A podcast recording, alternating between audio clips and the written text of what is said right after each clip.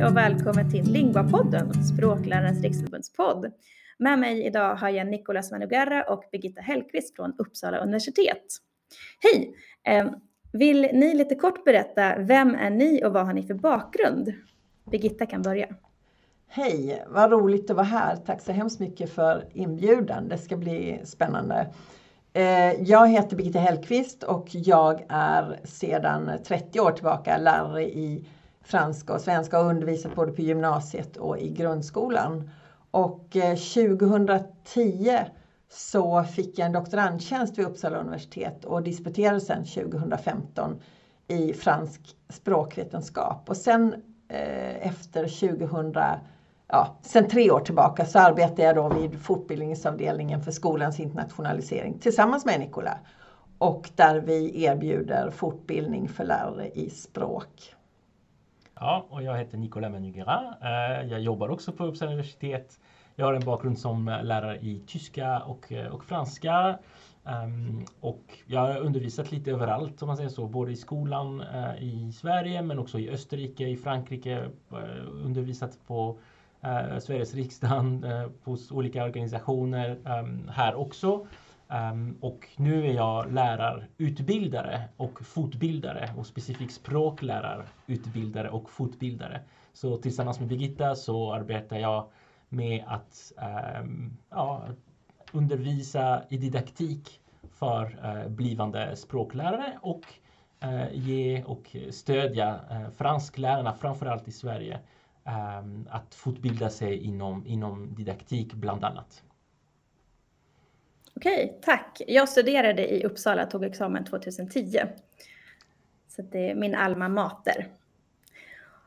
Så, ni har ju skrivit en bok, Målspråket i klassrummet. Och eh, jag skulle vilja veta varför målspråk i klassrummet? Det korta svaret. Ska jag börja kanske? Det är ju så att, eh, att tala det språk som man håller på att lära sig, det är ju i enlighet med de styrdokument som vi har i skolan, de kommunikativa och handlingsorienterade mål. Och det ger ett slags legitimitet åt undervisningen om man talar det språk som man ska lära sig. Ingen inlärning utan input, det vill säga utan att man blir att man lyssnar på målspråket. Så det är ytterst viktigt på att den korta tiden som vi har med våra elever i veckan att vi ge dem möjlighet att höra, att lyssna på det språket de lär sig. Uh, och det, det, finns inget annat sätt att lära sig ett språk. Uh, så, så det är därför det är viktigt att öka eller maximera målspråksanvändning i, i våra klassrum. Mm. Tack, och jag tänker att det där är någonting som ni som eh, lärarutbildare säkert också brottas med, att man som lärare eller blivande lärare själv måste ju prata ganska mycket och själv utsätta sig för ganska mycket målspråk för att uppnå den kompetens som man bör, som man bör ha. Och jag tror att, eller jag kan bara minnas hur det var när jag gick lärarutbildningen. Jag var nära att hoppa av för att jag kände att jag kommer aldrig kunna prata så där bra tyska som, ja, som en modersmålstalare. Och hur, hur tror ni man kan arbeta med det, att man får upp det här språkliga självförtroendet, att våga vara den som använder så mycket målspråk i klassrummet? Har ni några tankar? Ja, precis som du sa har jag varit eh, i samma situation när jag började undervisa en gång i tiden. Och jag skulle väl vilja säga att det finns liksom ingen egentlig genväg. Se jobbet som ett utmärkt, en utmärkt möjlighet till att utveckla dina egna språkliga och kommunikativa kompetenser. Och det är, det är ju liksom du, du, ehm, du utsätter dig för det här säger du, men det är ju samtidigt en möjlighet att utveckla ditt språk. Så ser jag det. Mm. Jag tycker det var väldigt intressant att du sa Sara med att du, du hade den tanken att jämföra dig själv med modersmålstalare. Jag tror att det är viktigt att man försöker komma lite ifrån den här, det här sättet att tänka. För att det en, en bra språklärare behöver, det är inte att vara eller att prata precis som en modersmålstalare. Det är inte det som är målet. En bra språklärare är någon som behärskar språket tillräckligt eh, för att kunna eh, undervisa i det språket, som behärskar kommunikativa kompetenser som hen kan, eh, kan, eh, kan liksom undervisa i. Ehm, vikten av att exponeras på språket ehm, är väl naturligtvis en, en väldigt stor punkt. Att, att man ska kunna ha kontakt med språket. Men, men jag tror att man ska vara lite försiktig och tänka att för att kunna bli språklärare så måste man ha samma nivå, eller det som man föreställer sig som är samma nivå som en modersmålstalare. Um, det, det, är någonting som, som, som, som jag tror jag är en ganska viktig sak att, att komma ifrån. Jag kan tänka mig att det finns språklärare som kanske känner en viss osäkerhet kring att använda målspråket i klassrummet. För man kanske bara använder språket i vardagen på jobbet med tonåringar ett par gånger i veckan. Hur kan man tänka där? Nej, det finns, eh, jag tänker också på den här eh, du säger att det är kanske svårare om man inte är modersmålstalare men det finns faktiskt ingen forskning som, som eh, har visat att man talar mer målspråk i de klasser där, man undervis, eh, där det, den undervisande läraren har eh, språket som sitt modersmål. Så det är faktiskt inte där det det hänger på. Det är snarare så att det kan vara väl så svårt som modersmålstalare eftersom du har sämre insikt i vad det är som är svårigheten med ditt språk. Så jag tror att eh, egentligen, jag håller helt med Nicola, vi ska inte tänka så att optimala är att ha modersmålstalande lärare i språken. Det, det, fin det finns stora fördelar eh, med att vara Alltså inte vara modersmålstalare. Precis som Birgitta sa så är det delvis för att man har bättre insikt i vad som är svårt Eh, i, i målspråket för, för inlärare som har svenska som modersmål. Eh, men också att man har den möjlighet att faktiskt visa konkret för eleverna att det går att lära sig målspråket för man själv har varit med om det. Man har själv börjat behöva, alltså behöva, man har själv behövt börja från början någonstans. Jag tror att det kan verkligen agera som dels motiverande och modellerande för eleverna att se, men det går ju. Där har jag en människa som behärskar språket tillräckligt så hen kan faktiskt undervisa i det språket och klara sig och göra saker som man skulle kunna tänka sig att göra i ett land där man talar, där man, där man pratar på, på målspråket. Jag tror att man ska inte underskatta uh, den, den fördelen man har som icke-modersmålstalare uh, när man undervisar uh, i den svenska skolan. Har ni något tips att ge till språklärare som vill ta del av aktuell språkdidaktisk forskning? Eh, vi som sagt, som du själv har sagt, så har, har vi ju en del forskningsreferenser och förslag för vidare läsning i boken. Och sen tänker jag ibland, om jag letar efter någon, någonting som intresserar mig så går jag ibland till antagning.se och hittar en bra universitetskurs och letar mig fram till litteraturlistan. Och där finns det ju också rätt mycket. Jag har hittat en hel del i på Stockholms universitet där de har en didaktikinstitution och språk, en institution för språkdidaktik. Och där på deras, i deras kursers list, litteraturlista kan man hitta en hel del bra saker. Jag, jag dras väldigt mycket till, till att lyssna på, på saker också för att lära mig. Och jag vet att det finns några podcaster som kan, eh, som kan bidra till den här fortbildningen som, som du pratar om. Eh, det finns bland annat en podcast som jag känner till som heter The, The Motivated Classroom Eh, som jag tycker funkar jättebra. Är väldigt intressant också eh, för, för oss i det svenska systemet.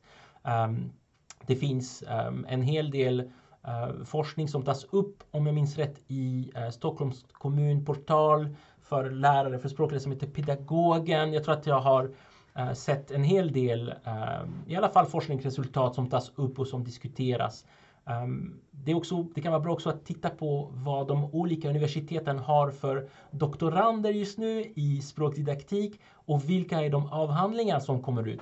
Det är många som har kommit eh, ut eh, de senaste ja, två, tre åren, bland annat eh, en avhandling om motivation av Serin Rocher Hallin som är väldigt intressant och jag tror väldigt, väldigt passande att läsa för språklärarna i, i Sverige. Så det kan vara också ett sätt att att få information om eh, forskning inom språkdidaktik har att erbjuda just nu. I er föreläsning på språklärardagen i Uppsala i april så nämnde du Nicola att det, det ni vill ge med boken är inte en massa tips och tricks utan snarare en förändring i synsätt, alltså på varför man bör använda så mycket målspråk som möjligt i klassrummet. Det är precis så som du beskriver det. Det handlar verkligen om att börja fundera över helheten av sin, sin egen didaktisk praktik. Man kan använda vissa strategier till exempel för att börja prata lite mer på målspråket. Men vi måste få eleverna med. Man kan inte från en dag till nästa helt eh, självmant bestämma sig för att ändra sitt sätt att undervisa utan att eleverna ska kunna känna sig trygga med det.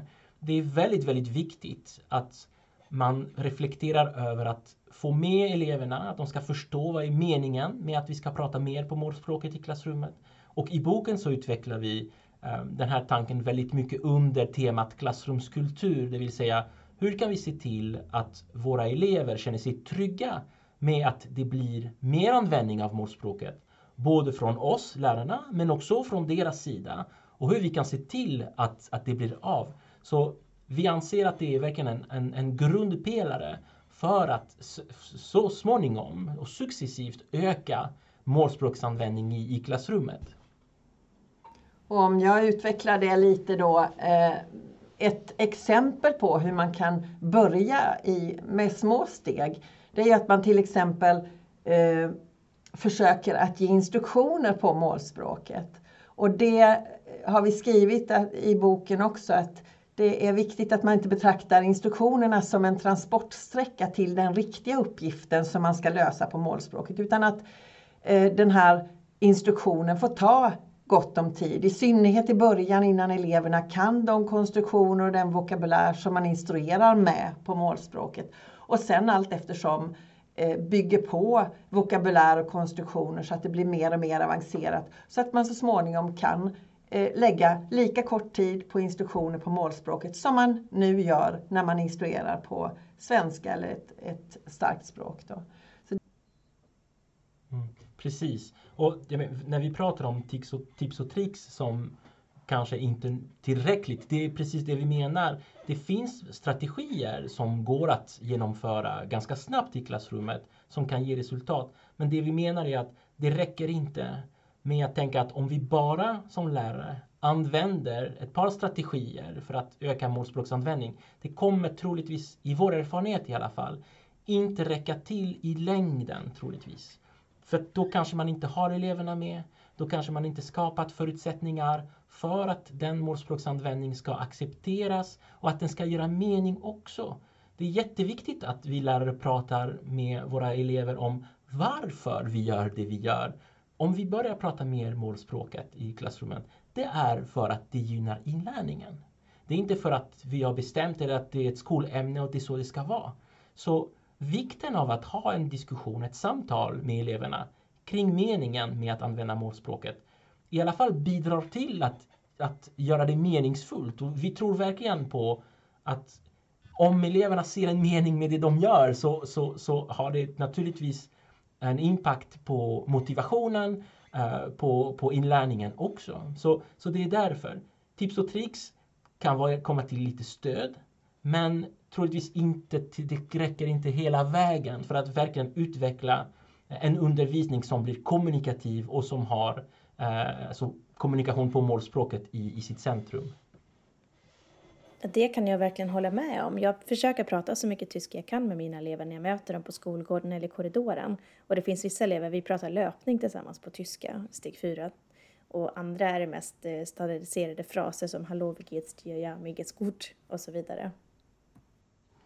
Precis. Och min erfarenhet som språklärare är också att det är motiverande i sig. För de tycker det är roligt. De tycker det är roligt att kunna uttrycka sig. Det är lite exklusivt med att kunna uttrycka sig på franska, spanska eller tyska. Engelska, det kan många av oss. Men franska, spanska, tyska, det är lite exklusivt. De tycker det är roligt att kunna säga, säga några ord och kunna så småningom utveckla det de, det de lär sig. Så det är motiverande verkligen det är så vackert. Det, det, gillar jag så mycket att du säger. För att det, det, tycker jag är nästan liksom en bekräftelse på att den undervisningen som bedrivs faktiskt når sitt mål. Det blir en kommunikationskanal. Det blir faktiskt ett språk. Det blir inte bara ett skolämne. om man så småningom kan också använda det utanför murarna, så att säga, utanför klassrummet. Eh, det, det, alltså, det, det är så jag såg det också när jag själv undervisade när mina elever började hälsa på målspråket, på franska i mitt fall när jag undervisade i Sverige, eh, eller började liksom utbyta några ord med mig i korridorerna, då var det ett intyg, jag tog det så i alla fall, ett intyg på att jag hade lyckats med att, att få eleverna att förstå att det där är ett sätt att kommunicera. att det är på riktigt, inte bara ett skolämne, men det är ett språk. Jag vet att det kanske låter väldigt självklart, men, men jag tror inte att det är det alltid. Eh, så, så det där brukar verkligen vara ett riktigt gott tecken på, på att man har gjort ett, ett bra jobb, tycker jag. Får jag ställa en fråga till dig Sara? Det kan man väl göra i en podd va? Ja, eh, du sa ju att du från början liksom tänkte att du hoppar av för du trodde inte att du någonsin skulle kunna tala sån tyska så att du skulle kunna... Hur har du tagit dig dit? För att om du nu talar så mycket tyska du bara kan i din undervisning och instruerar och sådär på tyska så hur, hur har du jobbat med ditt eget språk för att du ska komma dit att du känner dig trygg i och, och, och prata mycket målspråk i klassrummet? Ja, men I mitt fall, jag hängde ju kvar för jag ville verkligen undervisa. Och under tiden som jag pluggade till tyska så passade jag på att vara i målspråkslandet. Jag läste två stycken sommarkurser, eh, två somrar i rad. Och efter att jag har tagit examen så har jag vistats i målspråkslandet. Jag har åkt på semester dit. Och ehm, jag har också bott i München tre år där jag bland annat läste in en master. Och jag ska säga att det var väl där det kändes som att det lossnade verkligen på riktigt med, med tyskan. Då jag använde tyskan både i vardagslivet när jag arbetade och eh, akademiskt när jag studerade. Så jag har helt enkelt använt de chanser så jag har fått, eller tagit mig flera chanser också att använda målspråk så mycket som möjligt. Nej men det är ju, det är ju så, det, så tänker jag ibland när man, när man säger att man som lärare inte inte har tillräckligt mycket språk för att klara av att undervisa på helt och hållet på målspråk så tänker jag att det handlar ju, det är ju hela livet, hela yrkeslivet. Jag började på precis samma sätt och kände mig oerhört svag i franska på det viset att jag kunde inte, jag var, var liksom inte säker och trygg i franskan men sen eh, jobbade jag med ett elev och lärarutbyte med ett gymnasium och då hade, jobbade jag, hade jag tur att jobba i en kommun där man eh, där man satsade pengar på sånt. Så vi åkte till Arras i Frankrike i säkert 15 år med elever. Och då skapar man ju sig ett nätverk, så sånt kan man ju också utnyttja. Man skapar sig ett nätverk med fransktalande människor som man kan hålla kontakt med och sådär. Sen tänker jag att det finns e-twinning-projekt där man då kan eh, tillsammans med lärare i andra länder som också undervisar i franska, spanska eller tyska ha ett projekt tillsammans med sina klasser där man är kanske jämnstark i språket som lärare och som man också kan motiveras att utveckla språket. Så jag tror det finns ganska många olika sätt att, att jobba för att utveckla sitt språk och kanske se sin yrkeskarriär som en, en möjlighet att fördjupa kunskaperna från vecka till vecka i stort sett.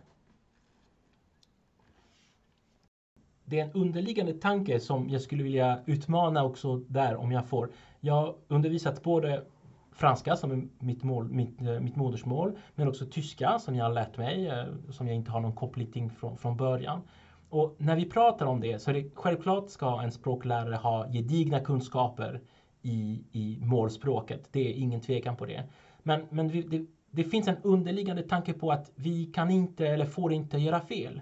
Eller vi kan eller får inte inte veta vad ett ord är på målspråket. Jag tror att vi måste vara lite försiktiga med det för att det är lätt att vi förmedlar också den här känslan till eleverna. Eh, jag pratade med en, med, med en lärare ehm, för ett par veckor sedan när vi hade språklärardagarna eh, på, ehm, i Uppsala. Ehm, och vi diskuterade just det här att det, det kan också vara en viktig inlärningsmoment för, för eleverna om vi själva iscensätter, så att säga, en, en moment där vi inte vet. För då signalerar vi också att det är okej okay att inte veta. Det är okej okay att göra fel ibland. Det är okej okay att inte kunna ett ord och behöva slå upp en ordbok eller kolla, eller kolla ett ord på, på nätet om det behövs. För att vi är precis i, också i en process där vi lär oss ett språk. Vi har kommit längre. Det är därför vi är lärare. Men vi kan inte allt. Och vi förväntar inte oss heller att eleverna ska kunna allting. Så jag vet att jag brukar i min undervisning också uppmärksamma om jag inte visste något ord på tyska till exempel. Säga, ja, men vänta, tack för frågan. Men nu måste jag faktiskt slå in ordboken för jag vet inte vad det heter på tyska. Och då letar vi upp ordet tillsammans. Det, jag tror att det bidrar till också att skapa en atmosfär, en kultur i klassrummet där det är okej okay att inte veta, där det är okej okay att göra fel, men vi försöker och vi lär oss tillsammans. Jag tror att det, det förmedlar jag tror att det hjälper säkert eleverna att känna sig lite bekvämare med att vara sökande, med att vara att, ja, att de är i en position där de lär sig någonting som de inte redan kan och det är samma sak för oss. Okej, vad kan jag ta med i mitt klassrum redan imorgon? Försök hitta tillfällen, antingen i början eller i slutet eller både och i en lektion. Att bara ha lite småprat på målspråket. Det kommer överraska eleverna om de inte är vana vid det. Men det är helt okej. Okay. Man kan skratta lite åt det här också, låta det passera. Men kanske, det är kanske så man börjar med en ny vana. Med att, med att börja lektionen med två, tre minuter där man utbyter lite beroende på nivå naturligtvis. Där, men man utbyter några ord eh, så eleverna börjar vänja sig vid att men vi kan faktiskt kommunicera. Det är inte bara att vi gör en, en, en uppgift eller en övning där vi, där vi lär oss eh, verbformer till exempel. Vi kan faktiskt använda språket för att kommunicera med varandra. För att utbyta information som vi inte redan kan från, från tidigare. Så det här är att försöka skapa nya vanor långsamt, berätta för eleverna varför. Eh, det, det, det skulle vara en bra början tycker jag.